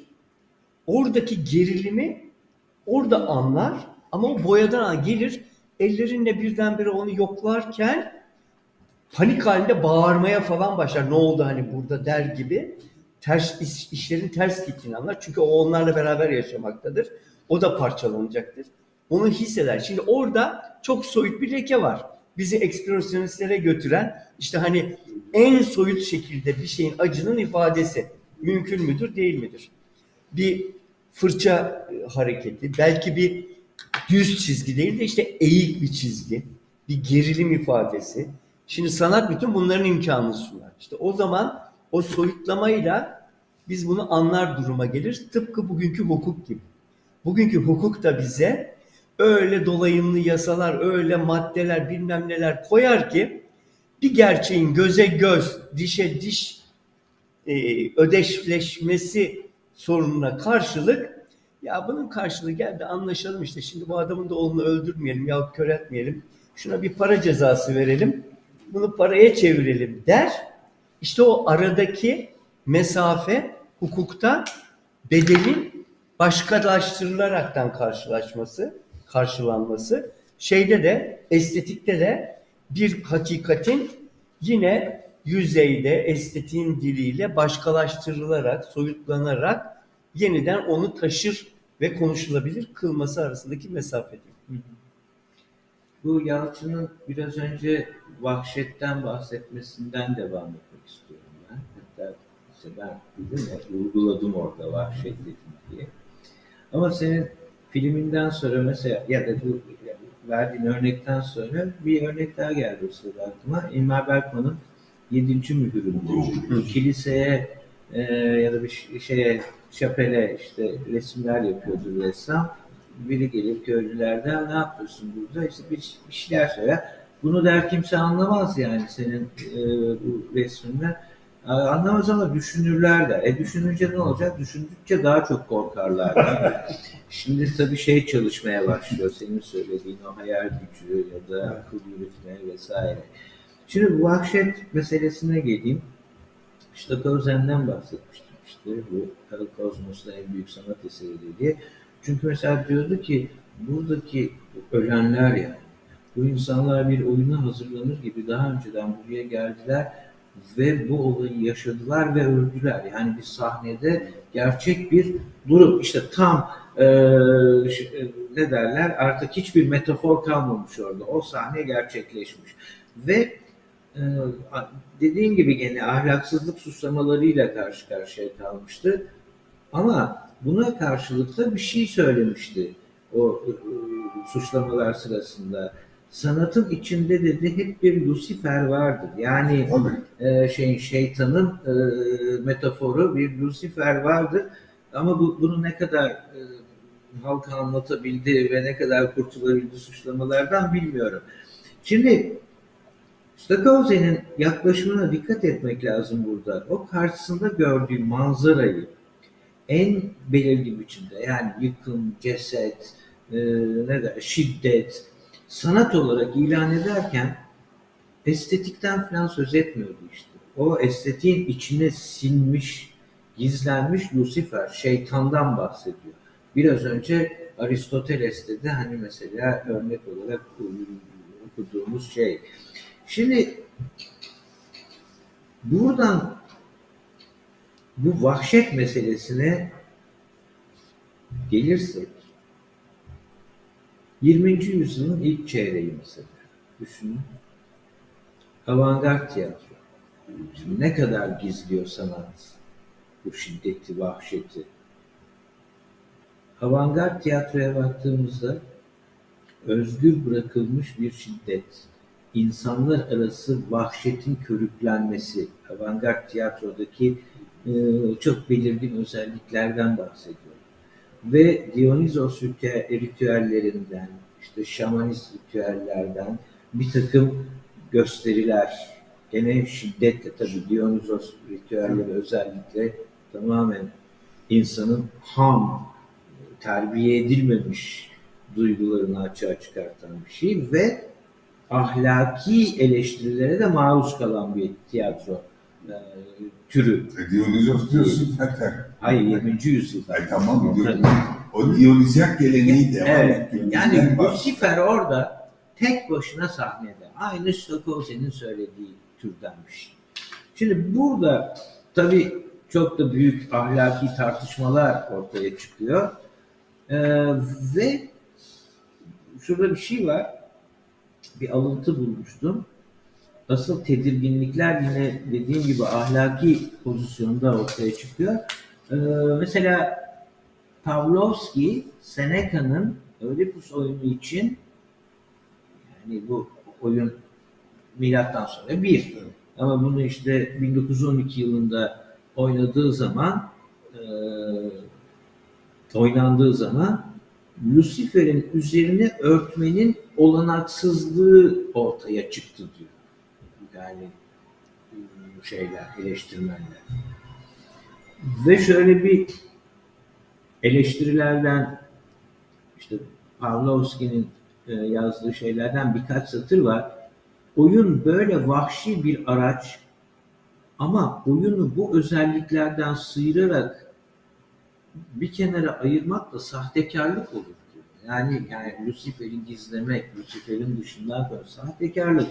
Kan, deşilmiş göz bebekleri, deşilmiş iç organlar ve deşilmiş gırtlaklar iki saat boyunca her beş saniyede bir anıldı, ortaya çıkartıldı. Ölüm, hastalık, veba, bulantı, dehşet oyunun katkı maddeleriydi. Aslında bu oyunu insanların önünde oynamanın doğru olup olmadığına karar veremiyorum. Tiratlardan birinde habercinin Oedipus'un gözlerinin nasıl oyduğunu anlattığı bölümde izleyicilerden birinin gerçekten midesi bulandı. St. John ambulansları bu tür e, sorunlarda insanları hastaneye götürmek için hep Hazır bekliyor. hazır bekledi, el altında bekledi diyor. Şimdi mesela bir de böyle yani estetiği deşifre eden, her şeyi ortaya koyan, insanın o biraz önce konuştuğumuz gibi o öznenin içindeki ham böyle işte Dionysos e, tarafını, e, Apollon'dan hiç pay almamış tarafını ortaya koyan bir takım şeylerle de karşılaşıyoruz. Mesela Peter Brook. Peter Brook e, 68 yılında yine Ödipus'u sergiliyor ve e, orada da aynı e, plan içinde bu sefer soykırım, siyasi baskı, gene işkence, savaş gibi konularla örtüştürüyor onu. Irksal çatışmalar, ondan sonra ne bileyim cinayetler bilmem ne. Şimdi ben en son şu, şununla noktalıyorum konuşmamı. Yani vahşet tiyatrosu işte bu. Ee, işte Grotowski'den konu açıldığında mesela Grotowski deniliyor e, prodüksiyonlarında vahşet, işkence ve acı çekme formunu kazanıyor. Bir takım şeyler yazılmış. Ruhsal esriklik ancak bedenin küçük düşürülmesiyle mümkün oluyor. Bu tam işte bedeni, şey, insanın idealleştirilmesinin bir Tersi. eleştirisi, bir tersi halinde karşımıza çıkıyor. Şimdi bu programda şeyden bahsetmemek olmaz. Ee, Thomas de Quincey'den bahsetmemek olmaz. Bu çünkü şiddet üzerine yani bana en esprili ve en yakın gelen yazarlardan bir tanesidir. Quincy şöyle bir şey yazmıştı. Şiddet ve sanat ilişkisi hakkında. Ee, güzel sanatların bir dalı olarak e, şey cinayet diye bir kitabı vardı bunun. Diyor ki insanlar artık bir cinayette yani izleyicilerden bahsediyor. İnsanlar artık bir cinayette biri öldürülecek, öteki ölecek iki ahmaktan, bir bıçaktan, bir para kesesinden, bir de boş sokaktan daha fazlasının olması gerektiğine uyandılar. Yani Lucifer'in ortaya çıkması gerekiyor artık. İki tane ahmak var, biri birini öldürüyor. Bu ne ya? Yani bir şey değil. Ve bir müddet sonra... Ezberleri bozalım diyor ya. Ya Yani zaten olan bir şeyin ortaya çıkmasından bahsediyor. Bir de şöyle, şunu da okuyayım, bitti. İnsanlar artık e, yani baktıkları zaman bir şiddet sahnesine tanık oldukları zaman o düşündükleri şöyle bir şey. Olay üzücüdür kuş- kuşkusuz. Son derece üzücüdür. Ama biz izleyiciler artık bunu düzeltemeyiz. İzliyoruz sadece. Bunun için kötü bir olaya iyi taraftan bakmaya çalışıyorum. Bu olaydan ahlaki bakımdan herhangi bir şey çıkartmamız mümkün olmayacağı için, çünkü ahlaksızca bir şey işte, eee, olayı estetik açıdan ele alıp bu yolla işe yarar bir hale gelip gelmeyeceğine bakalım. Sağduyulu insanın mantığı işte budur. Şimdi estetiğin nasıl şiddeti, şiddeti nasıl gizlediğinden bahsediyor. Peki bunun sonucu ne olur? Gözyaşlarımızı dindiririz ve belki de ahlak açısından vicdanımızı sarsan ve savunulacak yanı olmayacak bir davranışın beğeni ilkeleriyle sınanınca gayet üstün nitelikli bir iş olarak ortaya konulduğunu e, görürüz ve mutlu oluruz. Evet, bu sayede bütün dünya tatmin olmuş olur kötü bir rüzgardan hiç kimseye hayır gelmeyeceğini söyleyen o eski atasözü doğrulanır. Erdeme fazlasıyla dikkat eden amatör ise somurtkan görüntüsünü bir yana bırakıp kendisine çeki düzen vermeye başlar, her yere neşe hakim olur. Ben bayılırım bu adama yani. Thomas de Quincey şiddet üzerine hoştu. Neyse benim söyleyeceklerim bu kadar. İşte estetiğin Evet şimdi bir tur şey daha yaparız ama bir de şöyle bir şey de var. Yani benim aklıma gelen gelen. Şimdi mesela şu andaki beyaz perde ve beyaz camda izlenen bütün filmler neredeyse silahsız şey yok. Yani vahşet, dehşet, intikam, kan neyse yani her şey var. Hatta çocuk oyunlarında bile bu bilgisayar oyunlarında bile bir sürü hep şey oyunları var. İşte birbirini avlayan, öldüren neyse yani bu bir sanayi haline geldi aslında bu şiddet şeyi. Aslında bu da çok acayip bir şey. Bu belki sosyologların bakması gereken bir şey olabilir yani. Şiddeti Psikologlar baksın şiddeti böyle. besleyen Ya da- bir şey haline geldi. Evet. Aslında Körükleyen, Şimdi bu adam bisiklet kiralayıcı gibi herkese bir turdan bir turdan şey veriyor. o zaman yani şöyle bir gidelim gelelim. Tamam. Evet. Evet, evet. şey, yani sanatın özellikle her türün bir sınırları var, dili sınırları var, resmin sınırları var. Yani resim işte ses çıkaramaz, konuşamaz, yakamaz. Yani o görsel dilin ya yüzey, yüzey resmin sınırları var. Oysa sinema 20. yüzyılın sanatı deniyor. Aslında bunların hepsini kullanıyor. Görselliği kullanıyor, fotoğrafı kullanıyor, edebiyatı, sözü kullanıyor, e, müziği kullanıyor. Hakikaten bazen o sinema iyi kotar- zaman var. Zaman da var. Evet. İyi, iyi kotarılmışsa, iyi bir ustaca kotarılmışsa o salona giren kişileri hakikaten dayak yemekten beter edebiliyor. Yani mutlu girilse mutsuz çıkabiliyor. Dehşet bir şey. Çünkü öyle sinema örnekleri var bir hali. Ama şeyin, resmin ve diğer edebiyatın e, bir mekanın ya da bir olduğunu tasviri her okuyan kişinin aslında bir şeyle e, ilişkili bir şey aslında. Algı, kavrayışı, algılayışı, yarattığı etki biraz farklı olabilir. Özellikle her ifade biçimi e, bugün, bugün multidisipliner al- alanda aslında daha performatif şeyler de var. Maria Abramovich'in şeyleri var. Yani şiddetli şey yapan, ciddi bir şekilde risk alan performanslar var. Ve bu alanda aslında günümüzde de özellikle Dada ile başlayıp, Dada ile başlayıp çok provokatif sonra şey yapan, izleyici, per- izleyici de işin içine katan ondan sonra Performansında bir risk var mı? var. Abramovich'i de ben aslında çok yani e, Yok çok sentetik bir şekilde yüceltme o- evet Şey yüceltme olduğunu düşünüyorum. Çok iyi buldun onu. Ben aslında şeyden umutluyum. yani çağdaş sanatın yapay zeka ve algoritmaları işte kullanarak e, yani Hegelci bir yere bağlayacağım aslında. Diyordu ki yani hepimiz biliyoruz bunu. Defalarca konuştuk. Bir kere daha tekrarlayayım. Eğer bilim tinsel, buluşlarıyla tinselliği e, somutlaştırırsa ondan sonra başka tinsellikler bulmak gerekir diyordu o fenomenolojide.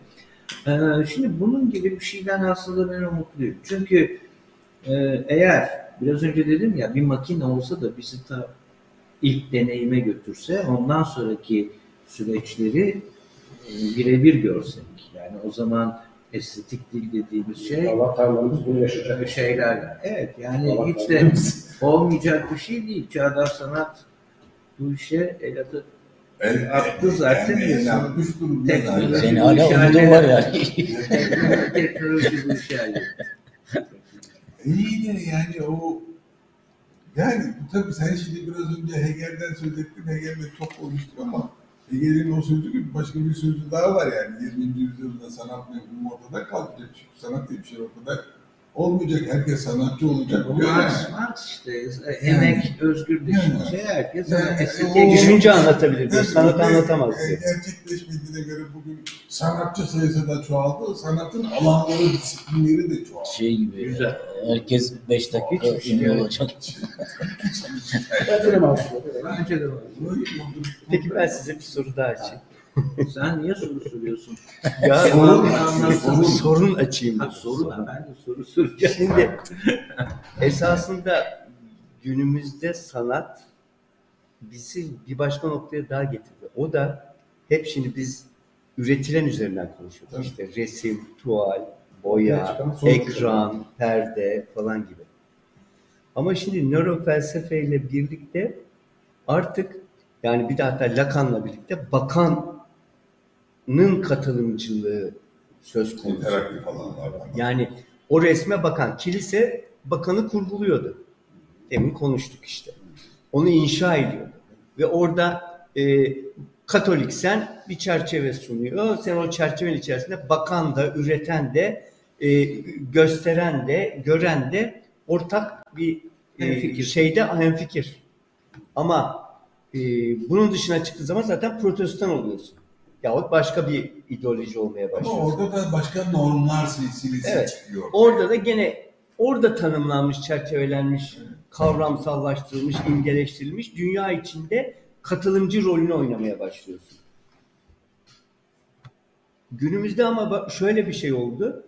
Şimdi o bakan özgürleşti. Yani ben kilisenin bakan gözü değilim. Artık müzeye gittiğim zaman e, işte Ribera'nın e, falanca Aziz'in bilmem nesini e, hikayesinden çok acı çeken bir bedeni hangi boya teknikleriyle daha iyi yansıttığını gözlemleyen bir analizle.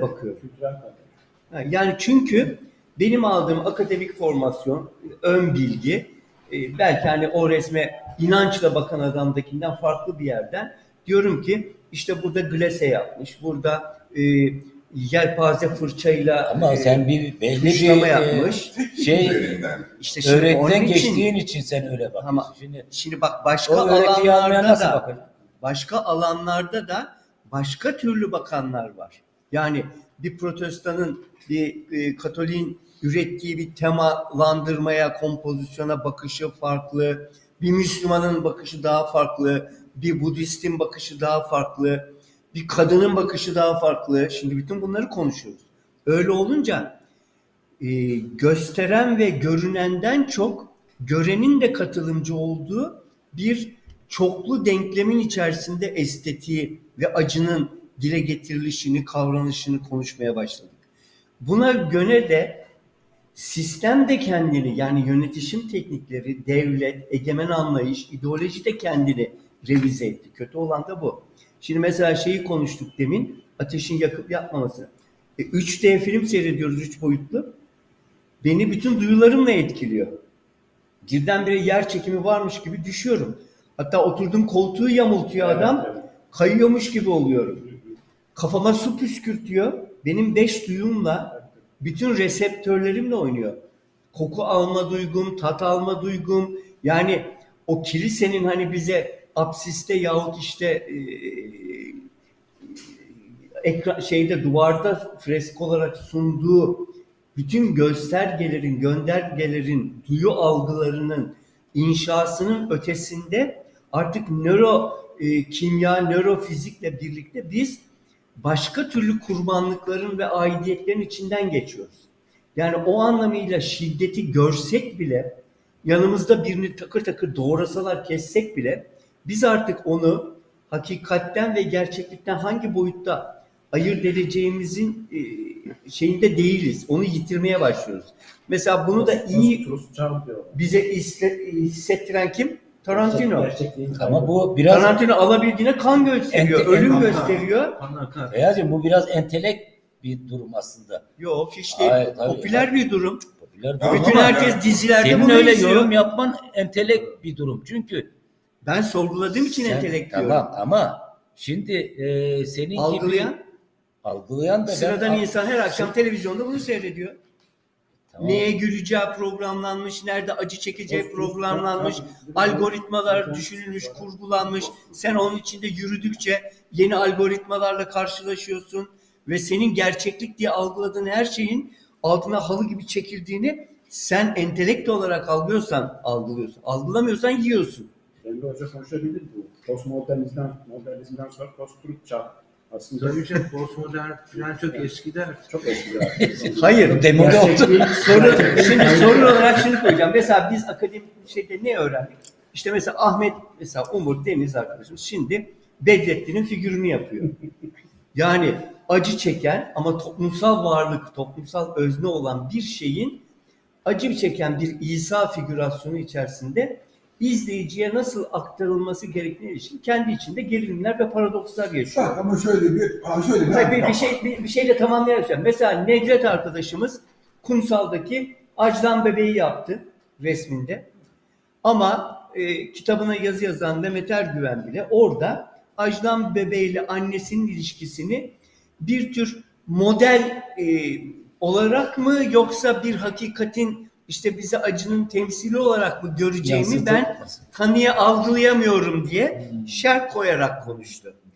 Yahut işte e, Lan uzatma unutacağım. hayır e, şeyi bahsedelim. Yaz bir yere. Apa, Apokalipse Now'dan bahsedelim. Yani Vietnam'da savaşı seyrettik ama Wagner'in senfonisiyle seyrettik. Evet. Alev'in Ya o- ama güzelliğiyle, o- o- ölümün güzelliğiyle. Yönetmen... Tarantino'ya bağladım bitti. Ba- Bağlama. Şimdi bizden iki arkadaşın adını söyledin. Onları yaptığı eserlerden bahsettin ama ben de şöyle bir şey söyleyeyim. 600, 600, 650 yıl önce adamın birinin yaptığı bir resim var. Grunwald'ı. İsenheim altarının ortasında bir İsa var. Artık çürümüş, kokuşmuş, yaralarından irin akan bir İsa var. Acı ve ızdırap. Bedrettin dedin ya. Birisinde o tenin ve etin çürümüşlüğünü görüyorsun, hissediyorsun. Birisinde acıya dair bir şey görmüyorsun. En dramatik İsa. En dramatik. Peki bu mu mimetik olarak bu yansıtma bizi İsa'nın gerçekliğini kavramamızı mı Bu- sağlıyor? Hayır, bu Yoksa olarak bir ölü bedeni mi temsil ediyor? Bak, bu üslupsal olarak bir sanatçının yetkinliğiyle ilgili bir durumdur o. Yani Ahmet'in o resmin altına Ahmet Bedrettin ve işte bilmem ne yazmasaydı Yazmasa ne ne yanlış? olacak? Belki e, tamamen Kim- duygulanım kim olarak duygula- Aydınlığa- hayır belki şu olacaktı. Şey- Yani evet bir e, Müslüman da işte şimdi al inanç sahibi birisini götürelim Prado'ya yahut Louvre'a İsa'nın o bedenine karşı karşıya getirelim. İsa diyecek. E, hayır.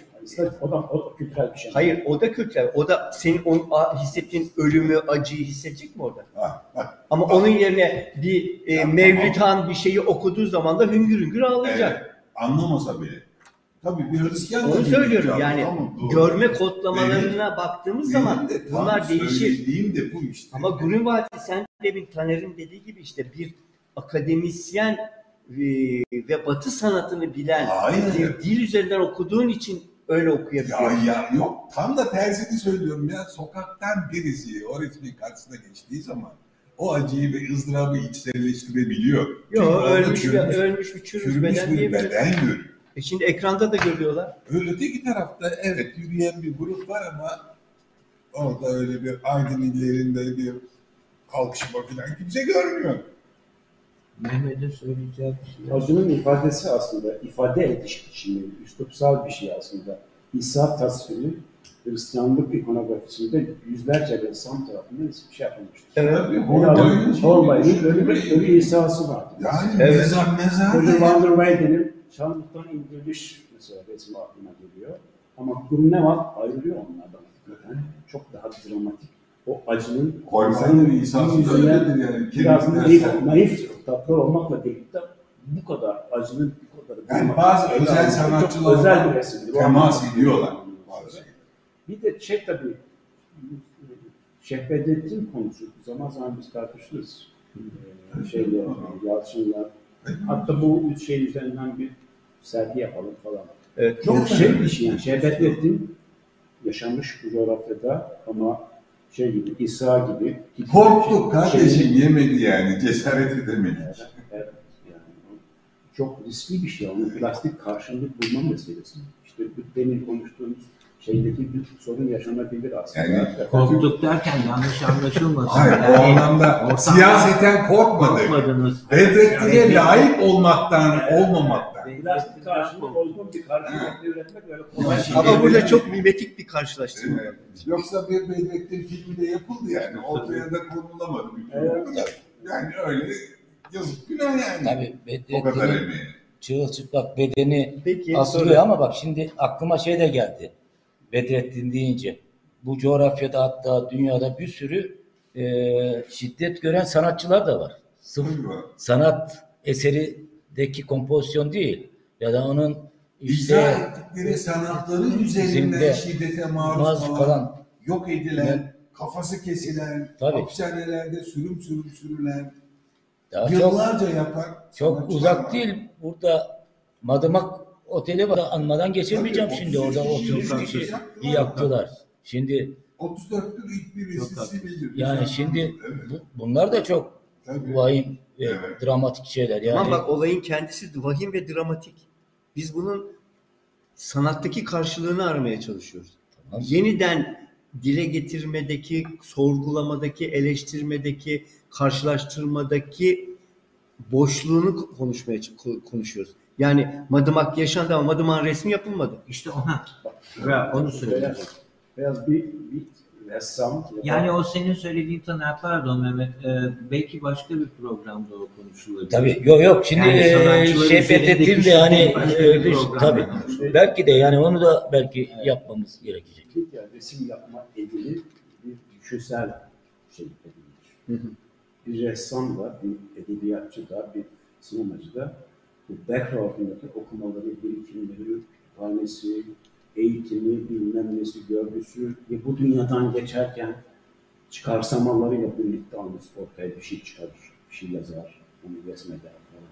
Dolayısıyla o onun birikimi arka planda çalışır. O temayı ya da Sivas konusunu ele alırken bir 15 tane ressama böyle hani son zamanlarda Ben sadece böyle bir kişi tematik olarak, tematik olarak böyle bir konuyu verdiğimizde hakikaten çoğunlukla çok da olgun olmayan şey işler çıkar. Çünkü herkes kendi kullanımı dışına çıktığı için bu konuda çok da kafa yormadığı için ya da elbette özellikle spesifik olarak bunu okuyan, bununla bilmem şey yapan, hayatını buna adayan ya da bu tür dramatik şeyler üzerinden daha çok yürüyen, o damada resim yapan adamlar da bizde dünyada da var biliyorsunuz.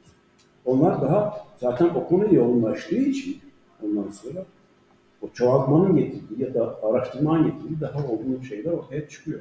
Ama böyle bugünlerde çok moda ya bu küratöryal şey sistem üzerinden bir konuyu ver, ondan sonra hadi yap bir şey. Ortaya çok facia işler, sergiler çıkıyor sonra yani. Bu Ama çok Ama basit ortaya- birisi de anlatabilir yani. Bunu bir naif birisi de anlatabilir. elbette anlatabilir. Yani mesela Emre'nin yaptığı sergi, Dilan sergisi. Yani hapiste yatan bir kadının e, kapatılmış bir bedenin esasında hiçbir şekilde pornografisini görmeden izledik o sergiyi. Yani niye? Çünkü bize öyle bir kapatılmanın neliğine ilişkin düşündürtecek başka veriler sundu. Hani kendini sıkışmış bilmem ne yapmış 70 kuşağında böyle resimler vardı. Hatta yine Nedret'ten vereyim. Böyle bir şeye sıkışmış bir bedeni vardır. Yukarıdan bakar. Yani hücreye sıkışmış. Ya Cihat'ın Cihat Hoca'nın Evet, e, Cihat. hücredeki figürü Cihat Ara. Evet. Şey, Yani Aydın'ın da var işkence falan. Şöyle. Hayır hani sıkışmışlık kapatılmış. Şimdi ben de şunu ifade etmek istiyorum. Birebir mimetik yansımasını almaya kalktığımızda tragedyada bu denenmiş zaten ve hani acının korku olarak toplumsallaştırılması ve yönetim tekniği olarak o toplumsallıkta inşa edilmesine ilişkin e, korkuya yönelik acının anlatılması, sembolleştirilmesi işte bütün o tragedi şeylerinde var. Hani demin ilk konuştuğum o epiktekinin karşıtı anlayış olarak. Ama kilisede falan baktığımızda da e, Katalan Müzyum'da mesela Barcelona'da erken Hristiyanlığın e, ilk Hristiyanların işkence edilişlerinin küçük resimleri vardır. Testereyle kesilenler, kazanda kaynatılanlar ve bunları ne e, Leonardo gibi anlatır ne e, Rubens gibi anlatır. Hani ne beden bedendir. Tamamen sembolik şeyler. Yahut e, Beşnoğlu Ce, Cezayir şeydeki e, Diyarbakır cezaevindeki e, arkadaşın yaptığı resim. İroniyle e, orada işte e, mesela e, havalandırmada bir arkadaşlarının bir bacağından öteki e, ellerinden tutuyor çıplak. Karları öyle kürüyor. Şimdi e, sanatçının adını unuttum. Ya hapishanede yatan e, şey var sergisini açtı. Zülfikar Tak. Zülfikar Tak'ın işleri. Hani baş, ressam olmayan bir dille biraz karikatür var, biraz Evet. ironiyi de içine koyarak başka bir acıyı başka türlü anlatıyor. Şimdi anlatma teknikleri işte o Erbach'ın Mimesis kitabında karşılaştırmalı var. Her dönemlerin, her toplumsal ilişkilerin, her devlet ve ideoloji e, inşalarının getirdiği farklı farklı e, yorumlama, görme ve gösterme ilişkileri var. Onu antik kilise e, ilk dönem işte Hristiyanları resmedenler çok naif anlatabilir. Sembolik çizgi anlatır. Her- Greenwald öyle her anlatabilir. düzeyi Görselleştirebilir insanlar. Hani oradaki mükemmel diye karşılaştırma yapacağımız şey esasında Emre'nin hani ifade ettiği şekilde içine katarak konuştuğumuzda o soyutlamaların bize sonradan düşünsel anlamda taşıdıkları ve hissettirdikleri ve düşündürdükleri. Yani kavramsallığa çekildiği yer. Ama onun üzerine yazılan metinlerle de ilgili, üzerine koparılan Bu sırf tartışmalarla da ilgili. yazınsal da olabilir. Sanat yapıtının, Yazınsal da olabilir. Sanat yapıtının bir yere taşınması, biraz da üzerine yazılması, konuşulması. Hani ama şey değildir hani bir tür virtüözite ve bir birebir hani yansıtma yahut hani akademik dilin kendini en olgun hissettiği bir virtüözite diye bir şeye dalarsak Elbette. ötekileri hiçlemiş oluruz. Bence onların hepsi aynı oldu. Ben- Peki bir şey soracağım. öyle bir şey Sana- zaten Sana da bir şey konuşuyorum. Yani e, sen senin söylediğin şeyden yola çıkarak. Mesela bir sanatçı e, diyelim ki e, şey Bedrettin'den bahsettiniz değil mi? Bedrettin'i düşünüyor ve resmediyor. Nasıl acaba resmedebilirim en iyi şekilde? Ya da İsa'nın e, e, acı çeken halini en iyi şekilde nasıl resmedebilirim vesaire. Peki bir de hapishaneden bahset. Hemen iki örneği var. Biri Racine'in Bedrettin portresi. Evet. Bir tanesi de Bedirahmi'nin Şeyh'in Bedrettin diye asılmış. Böyle boynu kırılmış. Küçük Ha, bir işi Tamam mesela. güzel. Evet. Hangisi daha iyi ifade ediyor? Ben hiçbirini Bak ama birisi... şey olarak karşılaştırmıyorum. Bir şey soruyorum. Ha, Pardon. Neyse. Bir, e, Hani onun için dakika. Bedrettin'e de kuruyor. Bir dakika. Ne yapayım ortada? şey, e, şimdi mesela hapishaneden bahsettin ya. E, oradan birisi ressam veya değil. Kendi koşullarında, şimdi ve burada koşullarında bir şey anlatıyor. Hı hı. Sonra onu gördün ya da görmedin o anlattığı şeyi.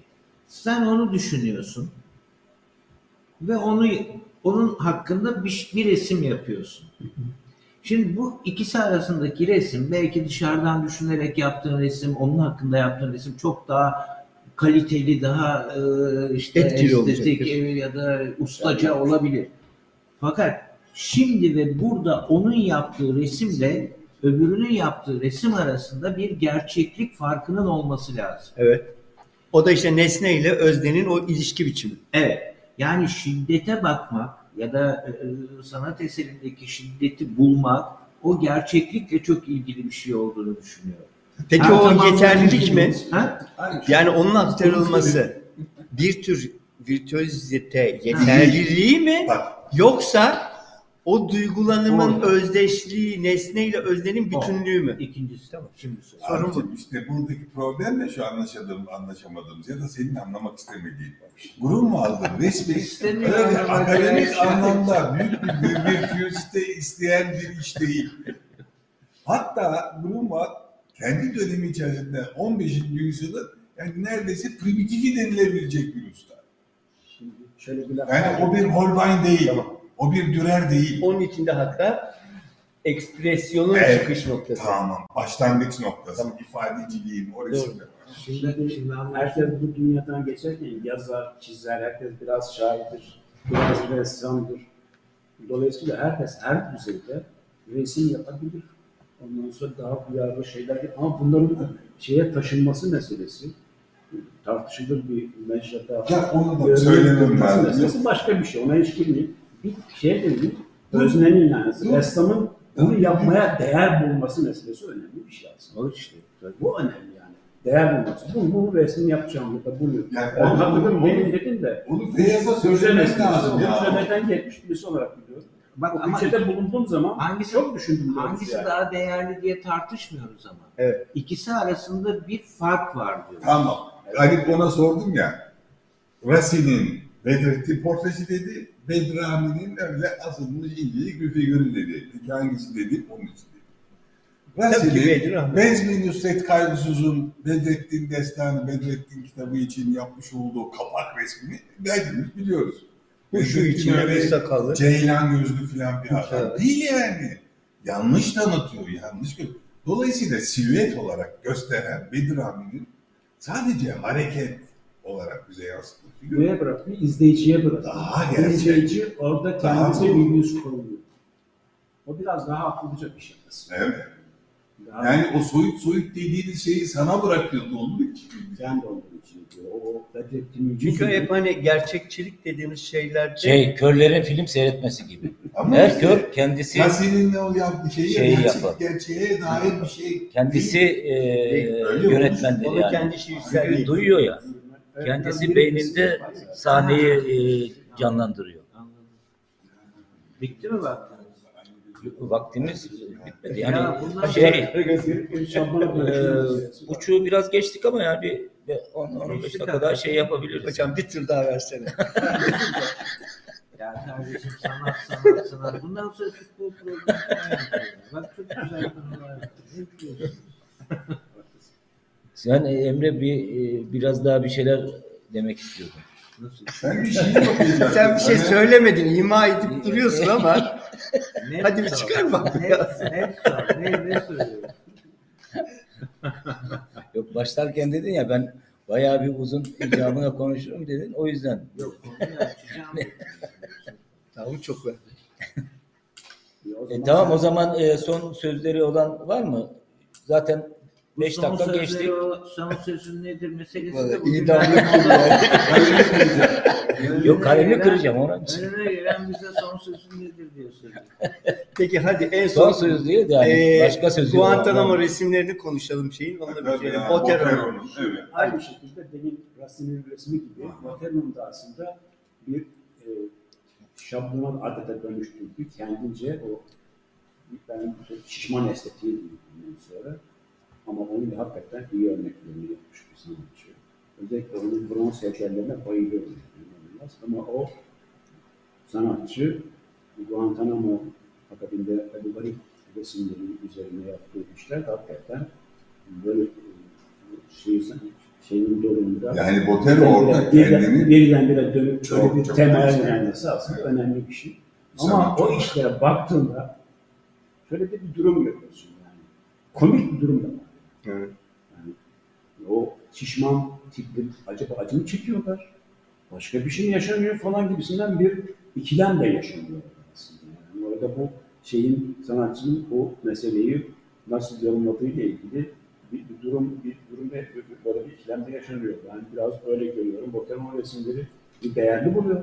Böyle bir konuya tema olarak denenmesi, o gündeme oturması, bir sergi olarak, proje olarak ortaya çıkması önemli. Ama Botero'nun o şişman esnekliği, şişman tiplerden oluşan bir üstünde hani ünlü görselleri çok sayıda basına yansıdı zaten. Oradan hareketle resmi yaptığını biliyoruz. Ama bunun kendine özgü bu deformasyonu, biçim şeyi biraz da böyle e, işin özünden işi hafifletiyormuş gibi görünse de önemli. yani ben hiç o resimleri gördüğümde mesela Botero gibi adamın elinden çıkan değil? O mafyanın elinden kurtulan, onlarla mücadele eden, kavga. Kendisi de bir koruma ordusu tutan mecburiyetten hayatta kalmak için. O da pek yani Tabii yani o da mafya canım anladı. Onu da biliyoruz. Bil- Yani bütün dünya biliyor değil mi? Şimdi o Medellin mafyasından kendini koruyacaksan sen de mafya oluyorsun. Ordu besliyorsun. Bunu ama yapıtlarınla elde ettiğin gelirler üzerine. Ama o adamın yani o mafyozi sisteminin içerisinde onun parçası haline gelmiş. Kendini uzak Ama tutuyor. öyle mesela Leon. Leon Galop'un resimleri mesela. Evet. Evet. bambaşka. O resimleri Evet. yapmış. Ben daha onların daha Evet. daha Beyaz Renault'un arkasına taşınan Evet, cesetler. onlar daha çok önemli. Ya Evet. ayrı, o, Evet, bence. o öyle davranmış. Ki naifliğine, bütün o primitifliğine rağmen.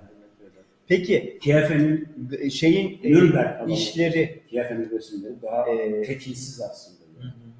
Botero'nun bu işlerini Guantanamo'da yaşayan birisi çıksa görse Güler. kabul eder mi? Ha güler ya. Peki yani o zaman demek ki biz gerçeklik ve onun temsiliyeti açısından bir yerden konuşmuyoruz.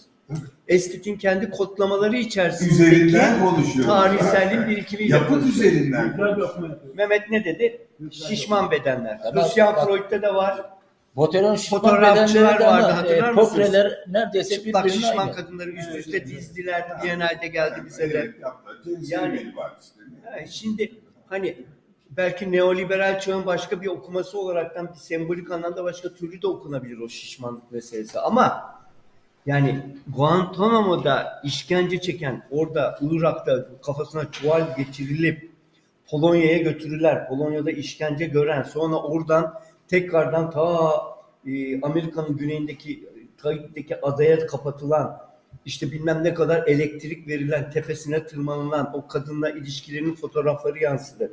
Yani şimdi o fotoğrafların bence kendi gerçekliği Guardian'ın kendi içlerinde çektiği fotoğrafların gerçekliği Botero'ya göre bence çok daha önemli. Ya tamam önemli onda bir şey yok. Aynen, söylediğim aynen. Yani şey- Grünwald'i Tabii, konuştuğumuz gibi tabii, konuşuyorum tabii, tabii, diyorum. Anladım. Botero gibi bir adamın buraya el atmış olması kendisiyle Evet. piyasadan Bana silmesi ne? haline geldi. Bana ne? o bile tahammül edemedi o vahşete, o şiddete. Hem bana ne- Yahut da işgal ediyor. Ha, edemedi. Başka türlü Ede, ama estetize ederek işgal etti. edemedi ve olmadı. Çünkü ondan sonra çöküşe geçti. Evet. Yani çünkü Mesela Maria Hasting'i hepimiz biliriz. 30 sene önce Maria Hasting'in yaptığı resimleri hatırlıyor musun? Şişman bedenler, onlar da bir Alman. Ama o şişman bedenleri bugün paramparça yaptı.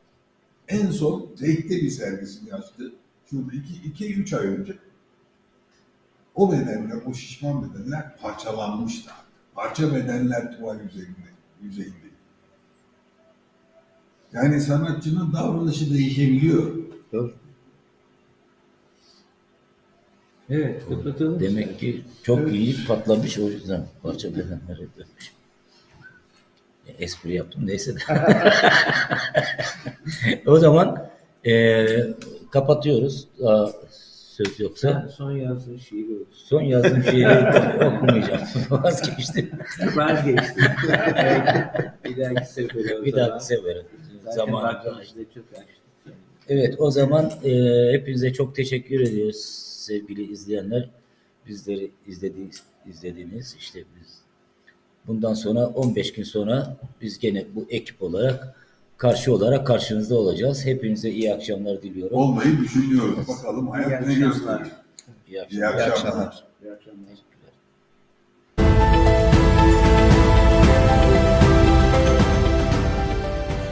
Emeğin ve Özgürlüğün Sesi Komün TV yayın kalitesini arttırarak siz değerli takipçilerine daha nitelikli içerikler sunabilmek için 30 Ocak 2022'den itibaren sadece YouTube kanalı üzerinden yayın hayatına devam edecek. Güncel programları kaçırmamak ve gelişmelerden haberdar olmak için Komün TV YouTube kanalına abone olmayı ve bildirimleri